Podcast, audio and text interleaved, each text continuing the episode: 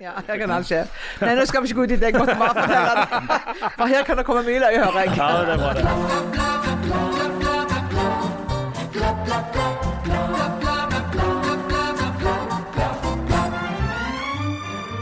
Hvor kristelige er egentlig Kristelig Folkeparti, og hvor mye folkeparti er egentlig Kristelig Folkeparti? Er det blitt vel mye blått i dette gule etter denne maktkampen? Og ikke minst, klarer Olaug Bollestad å samle nok stemmer til at han er mann i bar overkropp og stelle hjemme på Ålgård i fire nye år?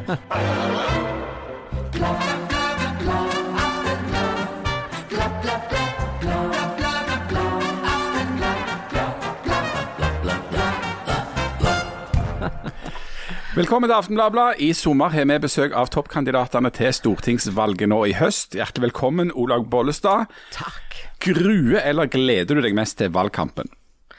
Eh, Jeg eh, er skrudd sånn sammen jeg, at jeg liker egentlig ikke valgkamper, for jeg syns det er liksom baksida av medaljen. Vi sier mye og vi lover mye, så vet jeg jo etter å ha vært med i politikken siden 2003 og vært ordfører, at eh, du skal, du, skal, du skal jobbe litt for å få gjennom alt du sier. Og derfor så liker jeg litt jeg liker ikke valgkampene så veldig. Jeg liker helst bare å jobbe, jeg. Da har jeg et konkret innspill. Hva med å si mindre og love mindre? Kunne det vært noe? Ja, det hadde vært galfint. Ja, det hadde det. Ja, det hadde Ja. det. Men, det er jo ikke, men det er jo ikke sånn det fungerer. En må jo love litt hvis en skal sanke stemmer. for folk. Ja, det er det. Og så skal du liksom vise et program i bredden, sant vel.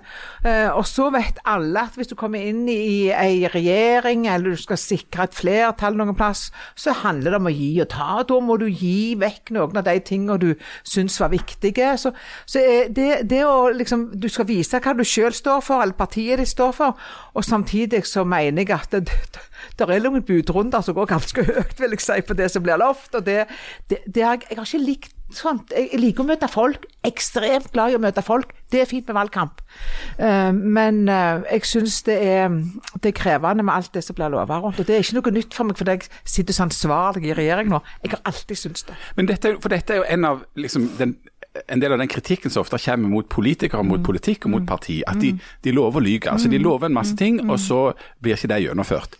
Jeg må si, jeg syns dette er noe av det vakre med politikken, det du akkurat skildra. At det er ulike partier, men resultatet vil måtte bli et kompromiss. altså At Ja. en diskuterer seg fram til en sånn, sånn felles løsning. Men jeg ser at det er uglamorøst, og det er grått, og det er komplisert å selge inn som en kjempegod idé.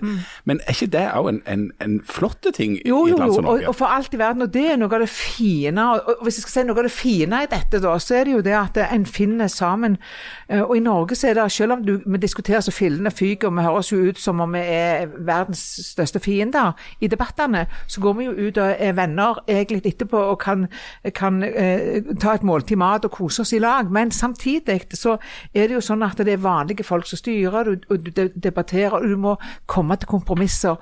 Og kompromisser er utrolig viktig, fordi da klarer du å forankre ting i en bredde som står litt lenger enn egentlig bare ett parti hadde overkjørt alt. Så det er jeg jo er enig i, at det er det fine i Norge. Men, men det er, og jeg er sikkert mange andre plasser òg, men, men jeg tenker det er òg den der fra det du sier da, til det, det du leverer, blir kanskje litt annerledes. Men sånn er det. Har ikke dette Harald, vært eh, en del av sånn KrF-styrken? at eh, i alle fall i en periode så var det jo sånn at Uansett hvem du stemte på, så endte vi opp med Kjell Magne Bondevik som statsminister. Og så litt, eh, litt noen fra den siden, litt, og, litt sånn samling i bånd-aktige ting. Er ikke, er ikke KrF et sånn et parti som er enormt god på akkurat dette? Jo, hvis du, altså når du har litt sånn politisk hukommelse, så vil jeg si det at, at både KrF og kanskje i enda sterkere grad Senterpartiet har vært enormt flinke til å få mye ut av relativt få stemmer. Eh, og Venstre må jo heller ikke glemmes. Eh, En stund hadde jo, hadde jo Venstre tre statsråder og én stortingsrepresentant. Eh, det. er litt av en prestasjon. Så, sånn at, og, og den, Det er jo noe som ligger innebakt til den norske politiske tradisjonen, den parlamentariske som det kalles. Da, at det er du skal finne fram til et flertall i stortingssalen som gjør at du kan få gjennomført politikken sin. og Det vil nesten i alle tilfeller føre til at du må inngå kompromisser. Eh, nå har jo, Det er jo ikke så veldig lenge siden eh, KrF eh, var gjennom et, eh, et veivalg sånn politisk, og det skal vi sikkert komme litt tilbake til. Eh, men det veivalget var jo òg prega av valget mellom to typer kompromisser, da, sånn som jeg ser det. Mm, det er helt riktig. Og det, og det er klart at det veivalget, det, det, det det, jo, det viser jo en tydelighet på et parti også, som både Senterpartiet og Venstre er òg. De er i et sentrum, sant? så du, du kan liksom vippe begge veier, egentlig, fordi vi har lagd det som to blokker i norsk politikk. sant? Så ligger vi i midten. Mm. Men en ting jeg er litt nysgjerrig på. Du, du sier jo at noe av det som er ubehagelig for med å drive valgkamp, er at en, en blir avkrevd en masse løfter. eh, og, og, og du skal uttale deg med litt sånn brask og bram. Men det politiske utgangspunktet for den valgkampen som du skal drive nå i sommer og utover høsten, er jo ikke det beste. Altså Veldig mange analytikere og kommentatorer har, har sett på tall og meningsmålene og sagt at dette går mot regjeringsskifte. Eh, hvordan preger det eh, deg og, og den måten du driver valgkamp på? Nå er det jo sånn at jeg er jo fra KrF, så jeg tror jo på tall i dunder hele veien. Så, så, det, er jo, det går jo fint an. Men, men det er klart men, meningsmålingene er ei side. Så vet jeg jo eh, at det, det handler jo om å gå eh, løpet helt ut hele veien. Og, og det du har tro på. Og det er klart at KrF de, hvis du er jo så veldig god på historie, men vi har jo gått til valg på disse tre partiene som sitter i regjering i ganske mange år. Eh, og for meg så tenker jeg at jeg vet jo òg hvor fort ting kan snu eh, eh, liksom i, i en debatt mot slutten. Så jeg tenker det viktigste for meg, det er at jeg må stå for det jeg tror på, og snakke for det jeg tror på, og vise det som KrF står for. Og at vi har òg gått inn noen kompromisser i den perioden som har vært, og det betyr at vi òg har tapt noe. Å være ærlige på det, det tenker jeg er viktig. Men jeg har et helt konkret spørsmål. for Du har nettopp kommet ut med en bok Ja. som heter 'Snakk sant om livet', som du har laget i samarbeid med en journalist i Bergens Tidende som heter Kjersti Mjør. Eh, og I den boka, blant mye annet, så forteller du om når dette retningsvalget i KrF skulle tas. Så var det du, Knut Arild Hareide, som da var partileder, og Kjeng- Kjell Ingolf Ropstad, som nå er partileder. Så satte dere ned i en form for sånn krisestemning og sa vi ser på tallene, de er dårlige. Eh, vi, vi ligger og vager rundt sperregrenser, under sperregrenser. Klarer ikke å få skikkelig politisk uttelling. Det blir veldig grått. Vi er nødt til å gjøre noe. Og da er det liksom, ok, Vi må ta et tydelig standpunkt. Vi må enten gå til venstresida eller til høyresida. Så valgte dere da å gå til høyresida. Og nå, et antall år seinere, så sitter dere og ser på akkurat de samme tallene. Var det da smart? Det kan du spørre alltid. Det, er alltid lett å være etterpåklok. Men vi var iallfall enige med tre uansett hva vei vi skulle velge. Eh, Fordi vi hadde sittet på vippen i faktisk ganske mange år på Stortinget og klart å på en måte eh, seile slalåm i sakene. sant vel?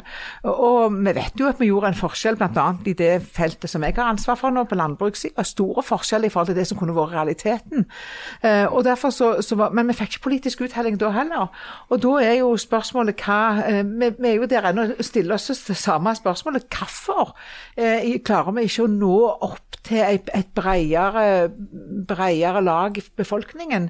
Sant? Eh, Så vet jeg alltid det er regjeringsslitasje når du sitter i den, men jeg kan ikke skylde på den heller, for dette det har også vært en realitet i, i, eh, i, i det som var når vi satt på Stortinget og var på vippen. Så for meg så handler det om at vi har gått igjennom en prosess i partiet, vi jobber nå med de sakene, og jeg tenker det viktigste nå det er både å bygge partiet, bygge organisasjonen, og jobbe det vi kan for å nå ut med de politiske sakene òg. Jeg har ofte tenkt om Kristelig Folkeparti at dere sliter med det samme problemet som Aftenbladet, som papiravis sliter med. Nemlig at viser at folk ikke lever evig. Eller si, det tror jo både Bollestad og Linde her. Han er Ja, ja, det er fint. Ja, de lever. Hva mener du ikke? Ja, men, men de lever ikke evig som abonnenter eller som folk som eh, stemmer på parti. Altså at, at dere har hatt en sånn aldrende eh, si, abonnementsbase. Jeg forstår, jeg forstår akkurat hva du sier nå. ja, sant? ja, for til slutt så dør de. Ja, ja, ja, det er helt riktig. Eh, Og hvis du ikke får fylt på noe i bånn der, så dør både papiraviser og, og KrF.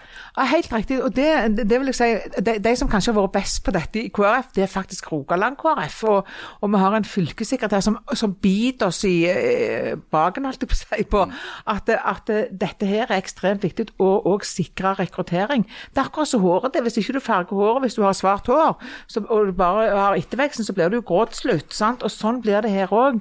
Så den etterveksten gir rom for ungdom, tenke dette. Og det tror jeg var også grunnen til at Rogaland KrF var så tøffe at de setter en 20-åring på andreplass på lista. Det er jo fordi at en ønsker faktisk å, å bidra til at dette her ikke må på en måte eh, Det er jo forferdelig å kalle ordet råtne på rot, men det at du faktisk òg gir rom for den yngre generasjonen.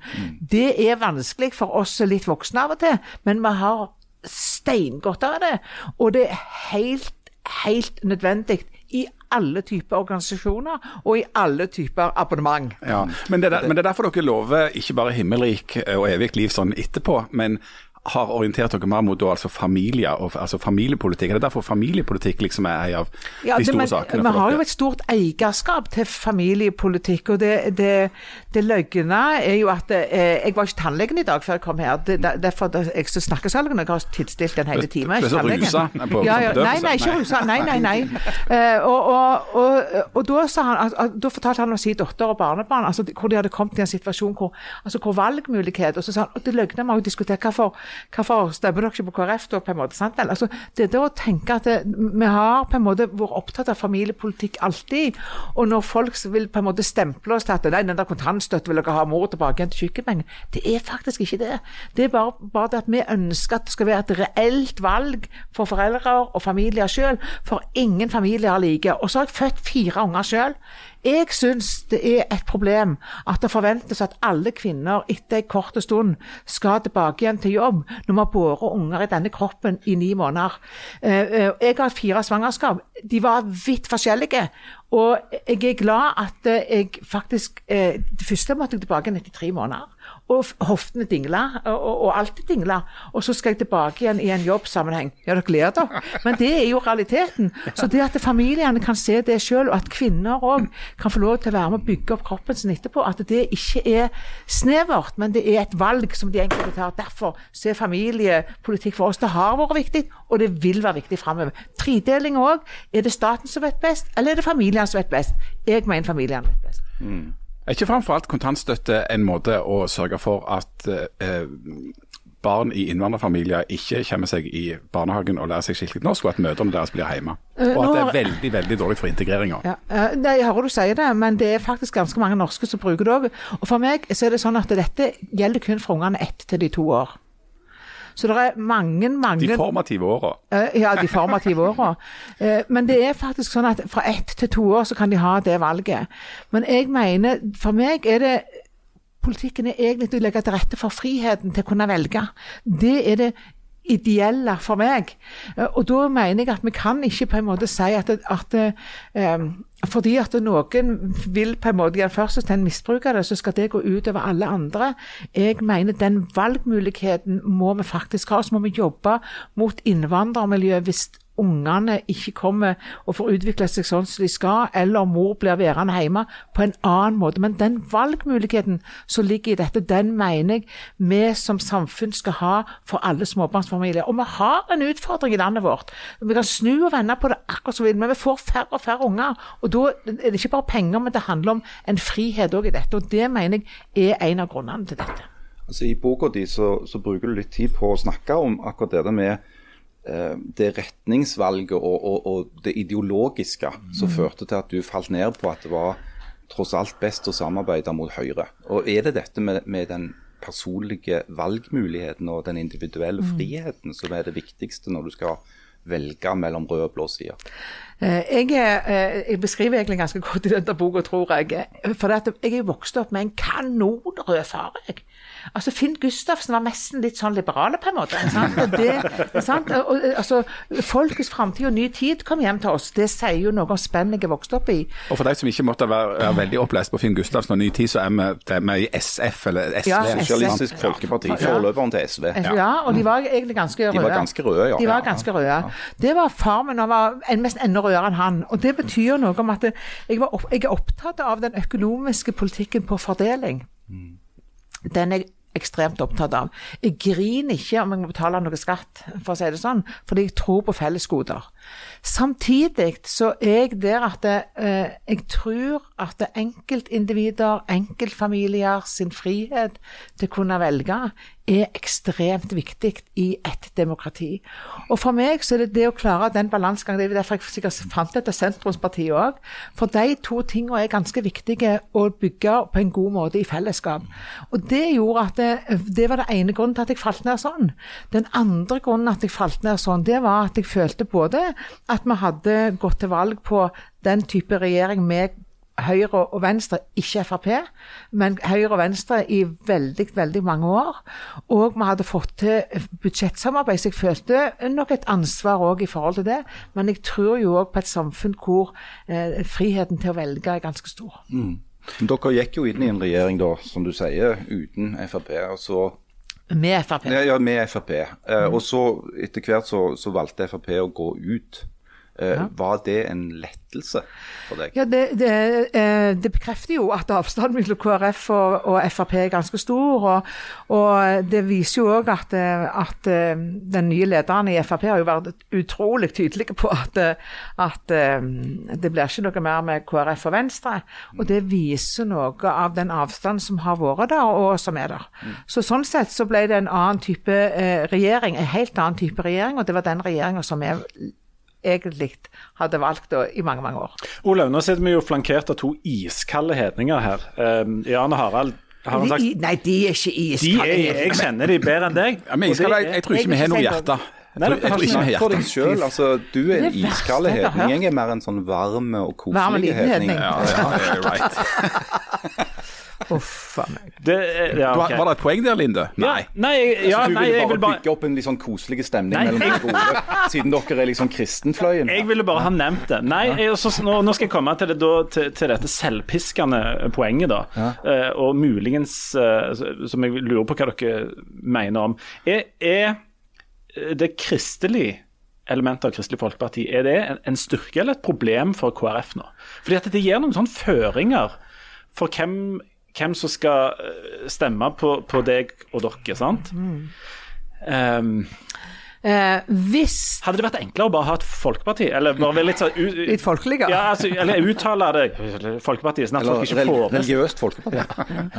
eh, eh, Hva skal jeg si i det? Eh, hvis vi lager et bilde av at kristelig er veldig smalt, så er det et problem, tror jeg. Men for meg så hadde jeg ikke kunnet være Jeg tror nesten ikke jeg, jeg, jeg hadde kunnet være kristen hvis det skulle vært så galsmalt. Uh, så for meg så er det en frihet i dette, og jeg tenker at det, eh, vi må klare å skille Et politisk parti er ikke en menighet. Det er ekstremt viktig for meg å si. Vi skal ikke diskutere noen teologiske spørsmål, det får prestene ta seg av. Vi skal lage eh, et samfunn med noen rammer som er bygd ut fra noen verdier. Og det er de kristne verdiene som for meg er viktige i det. Og da syns jo jeg det er gysla mange gode verdier. Den med likhetsprinsippet, sant vel. Den med, med, med at alle har den samme verdien uansett hva, hvor du er på rangstien. Altså det er noen sånne prinsipper som jeg mener eh, vi har bygd samfunnet vårt på, og som jeg mener òg er en viktig bit inn i, i et moderne samfunn. Rød er alltid viktig for å ha et godt tre. Og Derfor så mener jeg de verdiene er viktige. Men jeg vil ikke ha det som en talerstol for et kirkesamfunn. Men eh, et spørsmål fra et hedensk slash statsvitenskapelig Et iskaldt hedensk slash Jeg er ikke sikker på det er statsvitenskapelig verken hjerte. er iskald eller meg, dette er iskaldt. han, er det, er. Her er det, her er det, Han er det. iskaldt, ja. Han er død inni seg. Ja, I'm dead inside. Men har egentlig, Det jeg er helt overgitt deg. Men har egentlig religion noen ting som helst i politikk å gjøre? Eh, Jf. den franske revolusjonen og, og, og på en måte at du fjerner Men- religion ifra den politiske sfæren. Det, det, for, for meg så er det sånn, det er lett å si det, men, men på en måte så er, er, er kristenlivet mitt så integrert i livet mitt. Og, og det er jo noe ut ifra de verdiene jeg da velger. Men det betyr ikke at jeg ser på folk som mener noe annet enn meg, som dårligere folk. Men- Men, det, er verdiene, ja. det er verdiene i det jeg tror på, som gjør at jeg på en måte engasjerer meg. Sant? vel? Og du kan gå tilbake igjen til før i tida. Før i tida. Altså, vi hadde ikke hatt sykehus her i byen hvis det ikke var noen som hadde sett det ut ifra et religiøst eh, standpunkt, at vi ønsker å starte og ta oss av de fattige. Vi hadde heller ikke hatt rusomsorg hvis det ikke var noen som sa ut ifra sitt samaritanske kristne ståsted vi skal lage et, et, et, et omsorgsplass for disse. Så, da, så det med å ha noen verdier og ei tro, det tror jeg òg er med å skape et samfunnsengasjement. Men det betyr ikke at jeg skal bruke den talerstolen til å si at vet du hva, hvis du, du er med på vei, hvis du er med på den veien som jeg tror på, så skal jeg lage politikk for deg. Det går ikke. Men alle de andre partiene klarer jo å lage politikk for fellesskapet og løsninger for fellesskapet. Klarer ikke vi det? Uten å, jo, jo, men alle, altså, altså KrF skiller seg i at de har kristelig og de har noe sånn, det religiøse elementet, men alle de andre partiene lager politikk som kan være gode og, og, og som en kan være enig eller uenig i for fellesskapet, uten å koble til religion. Og det finnes religiøse mennesker i alle de andre partiene. Det er sånn helt sant. Du klarer å kombinere det med, med å ha ei tru eller ikke ha ei tru, med å drive på med politikk. Så det er veldig sånn eksklusivt for akkurat KrF at dere kobler dere så tydelig til en bestemt religion. Ja, det kan, du, det kan du si, men samtidig så vil jeg si at den som har en tydelig forankring i sin egen religion, den har utrolig respekt for alle andre som har For den forstår hva tro er. Og da skal du ha respekt for andre som har andre trosretninger, eller ikke har ei tro. Jeg mener det er ganske viktig for meg som KrF-er. Eh, at det betyr ikke at jeg skal stemple at det ikke finnes kristne i andre partier, og at vi er liksom det excellent dette er det skikkelig kristelige. Og, og, og, og, Senterpartiet bygger jo også på kristne verdier. Sant? Men det, det som er i navnet, på en måte, som jeg tror mange henger seg opp i. Men for meg så tror jeg at det er viktig at vi viser hva verdier vi tror på, uten at vi ikke skal kunne lage politikk som skal gjelde alle, og de som ikke tror. Men Harald, vi har jo ikke noe buddhistisk venstreparti eller eh, musl muslimsk eh, bondeparti eller sånt. Nei, vi har ikke det. Men, men jeg kom på en historie. For det er ikke så lenge siden jeg satt og diskuterte politikk med en eh, kompis av meg som er muslim. Ja. Og han sa at eh, for noen år siden så var det sånn at han, han vurderte å stemme KrF. Fordi at han var så glad for at det var et parti som For han, han er liksom aktiv muslim, Ja, ja, han troende ja. mann, Ja, ja. har vært i Mekka og hele Ja, ja. Eh, at det var ett parti som tok disse ting alvorlig. Altså, Som ville snakke om den religiøse dimensjonen i samfunnet, og som ikke på en måte skamte seg over det. Uh, og Da ble jeg sånn nysgjerrig. Altså, kunne det ha vært, vært et muslimsk medlem i KrF? Ja, det, det var jo en av grunnene. Vi tok jo vekk den, den bekjennelsesparagrafen i sin tid. Det var en stor diskusjon på det i partiet vårt. Men det er jo fordi at jeg tror og at mange av de som har en muslimsk tro, når de ser til KrF, så handler det om at de ser på at det er noen som på en måte forstår hva tro betyr. Sant? Og, og, og det er nok noe av den største utfordringen, syns jeg. Eh, For jeg er jo eh, ei vanlig dame. Jeg er, tar saltende diskusjoner både hjemme og med unger. Altså, alt det, det er liksom ikke sånn at jeg er så voldsomt kristelig, på en måte. Men, men, men, men, det er en så viktig del av livet, og jeg tror at det at det er noen som viser at det òg forstår vi, men da må også KrF vise at vi forstår at det er noen som, som eh, har en annen tro, og forstår den. Og så tror jeg at når du sier at det er ikke, musli, det er ikke buddhistisk og det er ikke muslimsk eh, bondeparti og sånn, det er helt riktig, men det er jo den kristne, eh, den, den kristne ståsted som har preget samfunnet vårt kanskje mest. Og vi sitter i en by, det er 250 år siden Hans Nilsen Hauge.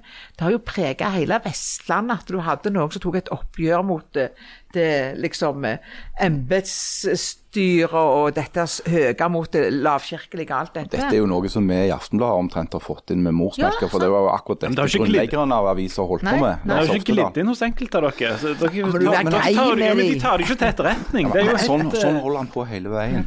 Men du, OK. Men eh, men greia mi, altså det at eh. Jeg er blant de som mener at selv om jeg ikke personlig Ja, ja. er troende, Ja. Så mener jeg at du gjør en kardinalfeil hvis du underslår eller undervurderer at vi er en integrerte del av det du kan kalle den kristne kulturarven.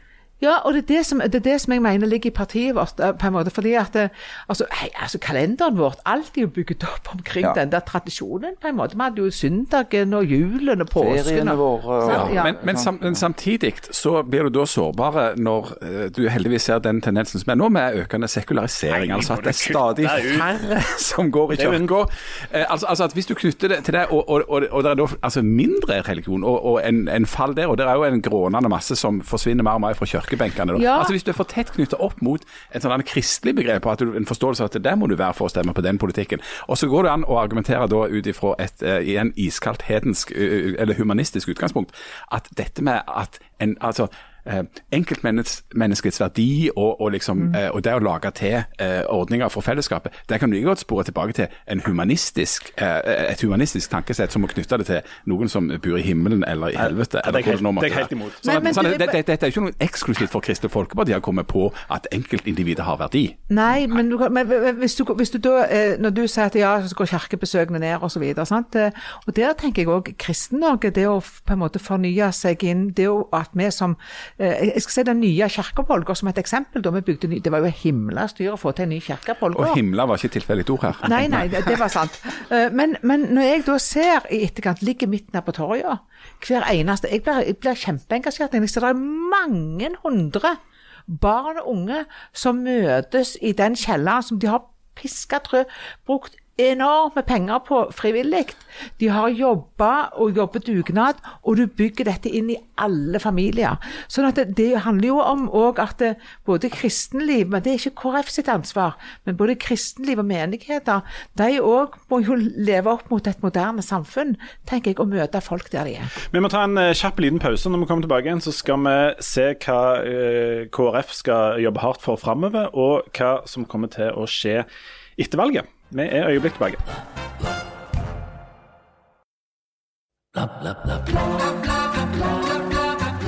Hjertelig velkommen tilbake til Aftenbladet. Vi har altså med oss eh, Olaug Bollestad her. Og eh, Harald, hva, hva slags eh, Vi vet jo ikke helt hva som skjer med dette valget. Folk skal jo få lov å, å røyste og stemme og sånt. Men hva, hva er din spådom? Hvor befinner KrF seg etter Nei, la, la oss snakke litt om det. det for det, Det er jo tross alt et valg. Altså det, vi kan sitte og snakke om, om, om kirkebesøk og humanisme kontra det. Altså, men nå er det et valg. og Folk skal gå og stemme, og så skal det telles opp, og så skal det lages en ny regjering på en eller annen måte. Eh, og hvordan, Jeg er litt nysgjerrig på det, Bollestad. Hvordan du ser på mulighetene som KrF har i Rogaland. For det, I går så var jeg med på en valgdebatt i, i Haugesund og snakket om spillet og, og, og utregningen. Og jeg, det er noe jeg har skjønt etter å ha jobbet med, med politisk journalistikk en, eh, en del tid. da, det er at det der med å regne ut hvem som får sånne utjevningsmandater, det må være et av de mest kompliserte regnestykkene i universet. Ja, det er i, for det er ikke noe, mest noen som forstår det. Nei, hvem er det som forstår det egentlig? Det er han, han i, i Valgdirektoratet og så Og så noen til. Bernt Årdal. Ja. Ja. Nei, altså det, det er jo egentlig et system som er ganske vanskelig. Sant? Og, og um, eh, det er ikke alltid jeg helt forstår det sjøl, men det er godt vi har noe som heter Pols og Pols, og vi forstår alle det riktige. For det er jo eh, algoritmer som er lagt ned, og tellinger i dette som skal telle og vektes eh, når en får disse Men du står jo på førsteplass, som pleier å være relativt bombesikkert for KrF i Rogaland. Og så er det da Hadle Bjunes på andre, eh, som altså har eh, en mulighet til å komme inn hvis eh, en del forutsetninger blir oppfylt. Altså, er, valget, er det et dårlig valg hvis dere kommer inn bare én fra Rogaland? Ja, vi går jo for to på tinget. Det er, liksom, det er jo vårt eh, slagord. Og, og jeg for og, og ble sett opp i ei korg her oppe med med Breiavatn og hadde sykla meg rundt akkurat som jeg skulle være pensjonisten. Eh, men men eh, det er jo et mål for oss å være to på tinget. Fordi det gir en dynamikk, og det gir en dynamikk for fylket når vi er to på tinget. Du får et fellesskap, og du kan bre deg mer. Du, du når mer med to enn med én, sant vel. Eh, og så det er jo et, en målsetting for oss. og Jeg merket jo godt det. Vi var to, meg og, meg og Geir, Geir Toskedal, i, i min første periode på Stortinget. Og så eh, kom ikke han inn i andre perioden. Men så var ikke de stemmene bortkasta, da. For da går alle disse overskuddsstemmene til en annen plass i denne algoritmen, som gjør at, det- at en får ut, utjevningsmandater og utjevningsplasser. Men så over alt dette så ligger altså denne her skumle sperregrensa Ja. og, og spøket, da. Mm. Eh, hvor, redd er du for at KrF, når røyken har lagt seg, havner under 4 og det blir en helt annen virkelighet? Ja, Det blir jo en helt annen virkelighet hvis vi havner under sperregrensa. Det alvoret det har seg inn over oss i ledelsen. Det gjør jo at vi har jobba ganske iherdig med å bygge rundt dette for å sikre at vi ikke gjør det. Vi har brukt både en ting er penger, men òg hente inn eh, gode folk, og har gode folk i fylkene våre for å jobbe opp mot dette. Eh, Fordi ja, partiet trenger å fornye seg og jobbe så snart og tårer tar oss for, for å nå sperregrensa. Og òg det å se hva som ligger bak, hva det som engasjerer folk, hva det folk forventer av KrF. Vi har tatt masse analyser i det for å være sikre på at vi faktisk òg skal klare å vise. Men til sjuende og sist så kan vi gjøre mye av det der. Men jeg tror allikevel at folk er litt opptatt av folk òg. Altså, politikk i landet vårt er mye partier, og så er det òg noe folk. Men hva for noen folk er det du sikter deg inn mot for å klare å komme over sperregrensa? Hvem er den, de som, som kan potensielt bli den typiske KrF-velgeren som hjelper dere dit nå? Eh, Jeg har, jeg har et inderlig ønske når du spør sånn, at det skal være mye videre enn den gjengse bedehusgjengeren eller kirkegjengeren. Fordi vi ønsker inderlig å ha en politikk som er mye bredere enn eh, Det er viktig med det forankringen vår, men, men vi, vi, vi er der for å lage en helhetlig politikk. Det er liksom ikke bare for ei lita gruppe i samfunnet, de som tror det samme som meg. Og Derfor så ønsker jeg å vise at det finnes en verdiforankra politikk som ikke på en måte står med pekefingeren, men som faktisk ønsker å prege samfunnet vårt for uh, framover på, på, det som jeg tror blir bærekraftig framover. Men etter årets, uh, vårens landbruksoppgjør så sikter dere ikke inn mot bøndene? Jo, selvfølgelig så sikter vi oss inn på bøndene. Det frekkeste passer. Var glad ikke har vann, så hadde jeg fått en dunst med vann.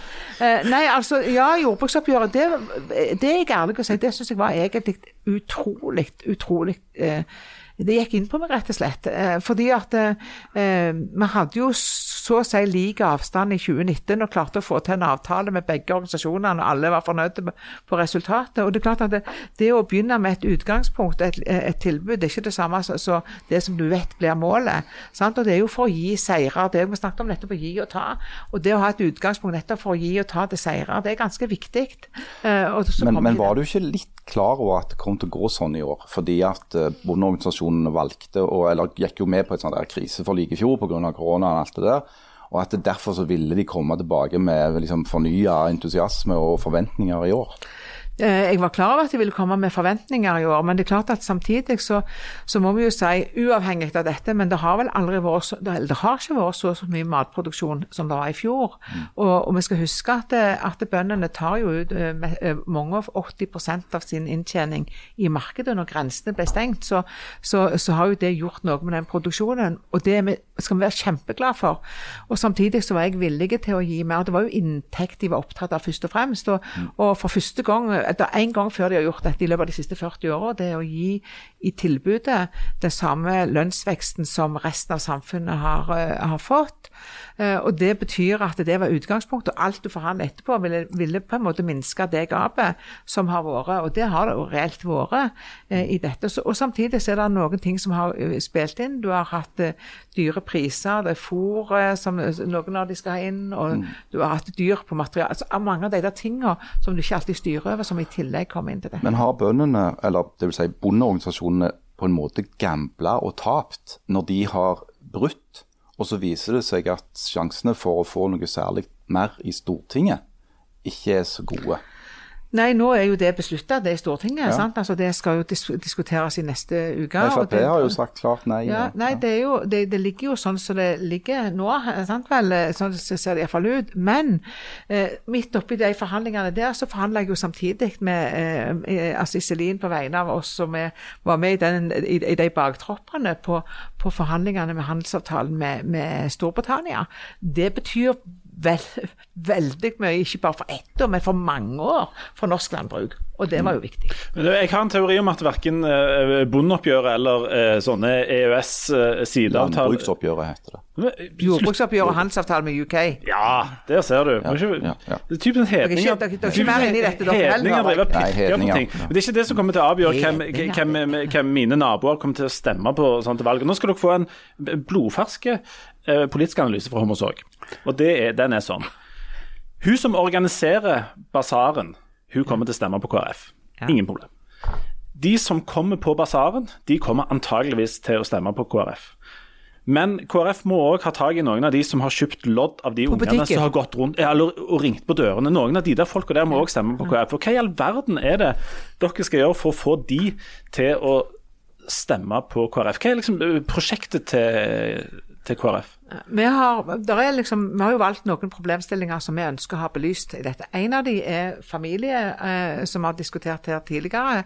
Familie legger til rette for rammevilkår for familier. Vi har et fritidskort som vi har prøvd ut. Det har vist seg igjen på, i, på Island som er et utrolig godt grep for de som ikke har råd til å være med på fritidsordninger. Vi har økt barnetrygda, det hadde ikke gjort siden jeg fikk minste ungen, og det er grevelig lenge siden. Og i tillegg eh, så, så eh, sier vi noe om den tredelinga og det med permisjon, at vi ønsker at det skal være friere for at foreldre skal kunne velge mer sjøl. Eh, familier er forskjellige.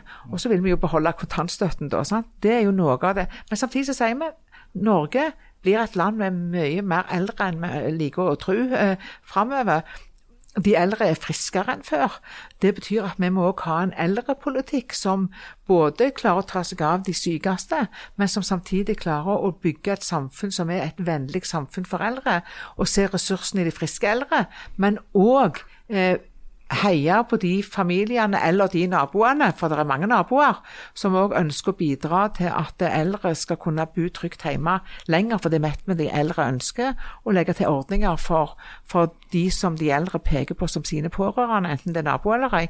Det er òg en viktig bit i dette. Og så må jeg si til slutt vi har hatt en pandemi bak oss som er den største som har vært siden andre verdenskrig av krise i landet vårt. Og kanskje noe av det, det, det viktigste for oss òg, det er å bygge opp en, en, næring. For vi skal ikke bare ha noe å leve for, som vi i KrF sier, sant vel, med de verdiene, men vi skal òg ha noe å leve av. Og det er jo òg et næringsliv og et, en, en, mulighet til å bygge eh, virksomheter som skaper arbeidsplasser, som skaper trygghet for familier, trygghet for eldre. De tre tingene blir viktige for oss. Jeg tror for min del at det er Sakene er viktige, det er de alltid i politikken. Det blir viktig hva for noen saker KrF og du da, som frontfigur i Rogaland velger å fronte. Men jeg tror når det gjelder deg, Olaug Bollestad, eh, så, og for f.eks. en politiker som Imir Kristiansson, så er det helt umulig å komme på, forbi, tror jeg, at eh, du òg er en del av produktet. Altså Du er jo i tillegg til å være liksom, landbruksminister og toppolitiker og tidligere ordfører, så er du jo òg blitt influenser. Uh, du har en Instagram-konto som har uh, en drillion flere følgere enn KrF sin. Uh, det er veldig mange som har et forhold til hun der fru Larkin fra Ålgård, som byr på seg sjøl. Uh, og som, selv, altså, ikke er veldig selvhøytidelige, som er ganske løyen. Uh, og jeg tror at, og du har gitt ut ei bok, det, den, at den kommer nå er heller ikke tilfeldig. Uh, altså, jeg tror at det der med politikere som personer òg blir viktig, og særlig for de små partiene. Mm. Er du ikke enig i det? Altså, det, det, er jo noe, altså Selv om du sier at ingenting av det du gjør er kalkulert, og sånn, så tenker jeg det er litt kokett. For det, litt kalkulert, altså det der med å by på seg selv er jo òg en politisk teknikk. Ja, jeg hører du sier det, og, og, men jeg har ingen baktanke med den der Instagrammen min. Og når du sier jeg er influenser, så må jeg bare si at første gangen jeg hørte det ordet, så visste jeg jo ikke engang hva det var. Så jeg sa jeg, jeg, jeg, jeg vaksinerer meg for influensa hvert år, svarte jeg. Så så, så så, lite er jeg inne i det begrepet. Og det er fortsatt sånn, skal jeg si deg, at når det lyser for mye røde prikker på det der Instagram, noen beskjeder, så må jeg be om hjelp.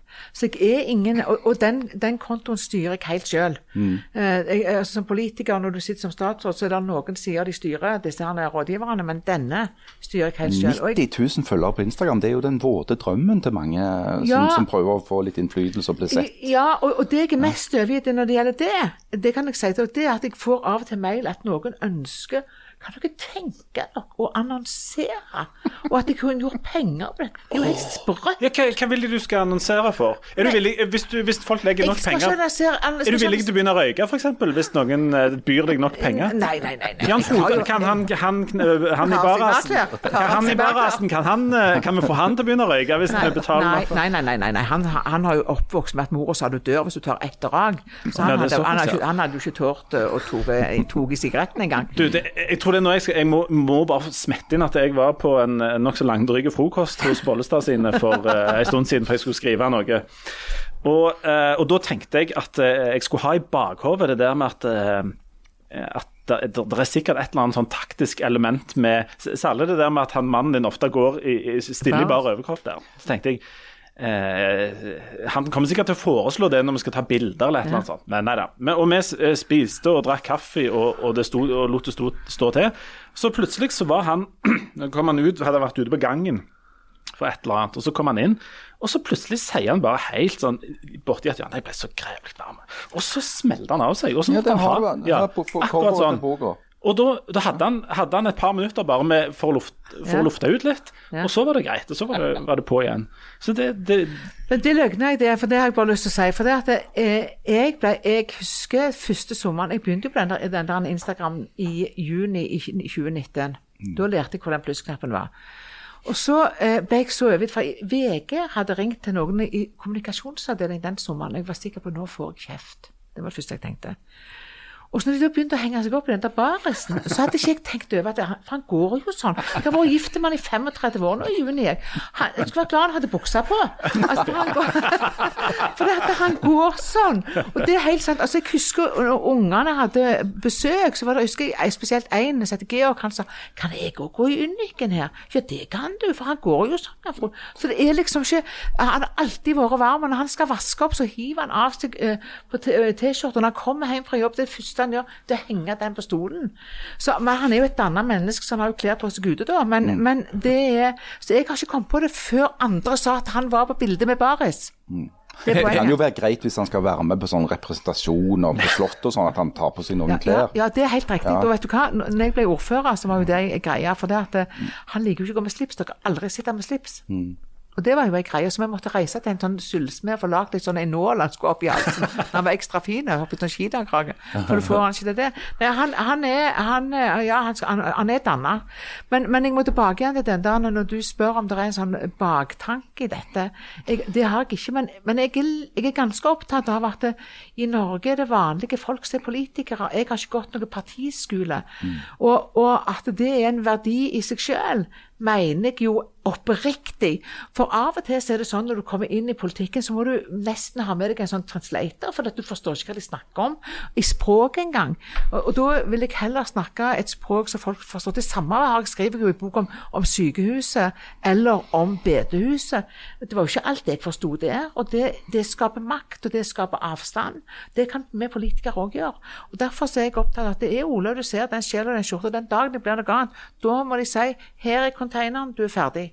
Jan, du har jo et uh, mellom hovedfag i sammenlignende politikk som alltid må, Ja, må nevne. Ja. Jeg frykter at du skulle si at jeg bare hadde et mellomfag. Det ville jo vært katastrofe. Hovedfag. Men er, Selvsagt er hovedfag i sammenlignende politikk. politikk. Du har jeg lært først hvis du er den politikken, og så sammenligner du med en annen ja, politikk. det, det, jeg nå. det er såkalt rocket science. Men er KrF et parti som er lett å forstå seg på, og på en måte skille ifra uh, andre? Nei, altså, men hovedskillet er jo akkurat det der kristelig. Det er jo det de skiller seg ut i, framfor alt. Og det er jo da et potensial og et problem som vi har nå snakket om. Og så er det jo i dette her underlige sentrum. Og der, der deler de da skjebne med det som har vært tradisjonelt sett noen ganske små parti. Fordi at, men, men samtidig så er det, for å ta litt et statsvitenskapelig pensum, de fleste folk befinner seg i midten. Ja. Sånn at altså, potensielt ja, Du skulle trodd at de aller fleste velgerne var i sentrum. For dette det er en sånn såkalt bell curve som er, ser ut som ei, ei, ei blåklokke du stilte opp ned. De aller fleste folk er i midten og har ikke ekstreme synspunkt på noen ting som helst. Så du skulle trodd at det å være et sentrumsparti var en velgermagnet. Men så viser det seg at de største partiene er de som ligger litt til høyre for midten og litt til venstre for midten. I Norge altså har det tradisjonelt sett vært Arbeiderpartiet og Høyre.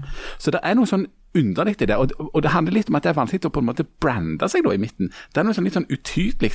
Ja, hva er det da som er sentrum, og hva er det som er der alle folka da egentlig skulle ha vært. Og Det er jo det som da er, er, er Kristelig Folkeparti og Venstre sitt problem, og har vært Senterpartiet sitt problem fram til de ble skikkelig populistiske. Og Det er også uklart fremdeles om senter, eh, liksom, Senterpartiet er et høyre- eller et venstreorientert parti. Det vet, eh, vi ikke egentlig. Men du kan vel si da at eh, de partiene i midten, hvis du ser på nyere norsk politisk historie, så er jo de det batteriet som har fått bilen til å gå.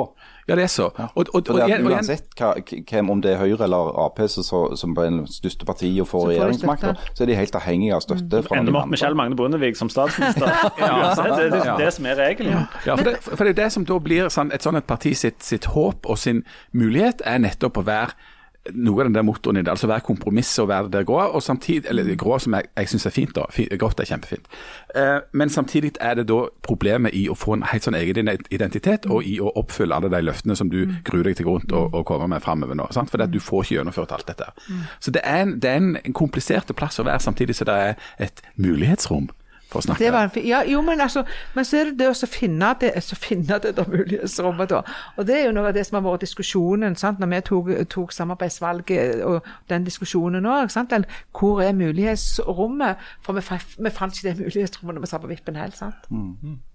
OK, da uh, tror jeg vi er kommet til uh, veis ende. Du får ha, uh, ha godt valg, selv om du gruer deg noe voldsomt. Det går til å love å lyge. Nei, jeg, jeg gruer meg ikke. Jeg, jeg syns det er kjekt å møte folk, men jeg vil gjerne være ganske ærlig i det jeg sier, og og da er det av og til litt vanskelig. For å være helt ærlig. Det kan jo fort gå godt, men det trenger Det ikke kan å gå fort gå godt. godt. Eh, vi er tilbake neste uke med en, uh, en ny uh, Et nytt offer. Et nytt offer. Ja. Sta, en ny stakkar her i, i denne gassgrillen. Dette var ikke offer. Ja, Var det ikke det? Nei, Vi burde er skrudd mye hardere til. Jeg hadde trodd at disse to iskalde hedningene skulle gå mer løs Jeg på er liksom ikke iskalde. Nei, dere, det vil ikke jeg si. Jo da. Nei, jeg har et varmt Det er hjerte. riktig kjeltring. Varmt Jo, men hvis jeg, spør deg, hvis jeg spør deg hva som står i Lukas eh, 24, for eksempel, så har du ikke peil. Det er ikke jeg heller. Men, men Jan vet det. Ja, Jeg har jo mellomfag i religionsvitenskap. Ja, og ennå vet du det ikke. Men hør på Jan nå. Lukas 2442, jeg hadde det til meg på russerkortet, den, som den iskalde hedningen jeg er. De ga ham et stykke stekt fisk. Nei. De gjorde det, ja. Og det er et flott bibelvers, for det er det, det, er det eneste som er så konkret at jeg klarer å forholde meg til det. Jeg Men det er jo fantastisk forstår. fantastisk. Det er, det er litt sånn det, Jeg tror piske deg òg kunne hatt det, for det er jo, det er jo litt sånn nevenyttig. Det er nevenyttig. Det er nevenyttig. Du har en person. Gi han fisk og mat. Ja. Ja. Det, får, det kan bli det nye slagordet til, til KrF. Tusen takk for at du kom, og så snakkes vi andre neste uke. Ha det Ha det bra. Ha det bra. For noen herlige folk dere er. Nei, det Ikke er de to. iska, iskalde hedninger. Bortsett fra de to, så er det ganske trivelig her inne. skal jeg si. Det er Tore ganske herlig. Jeg er litt herlig. Jan er ikke. Du er ikke, du er ikke kategorien litt herlige. Det er å strekke begrepet litt og herlige veldig, veldig langt.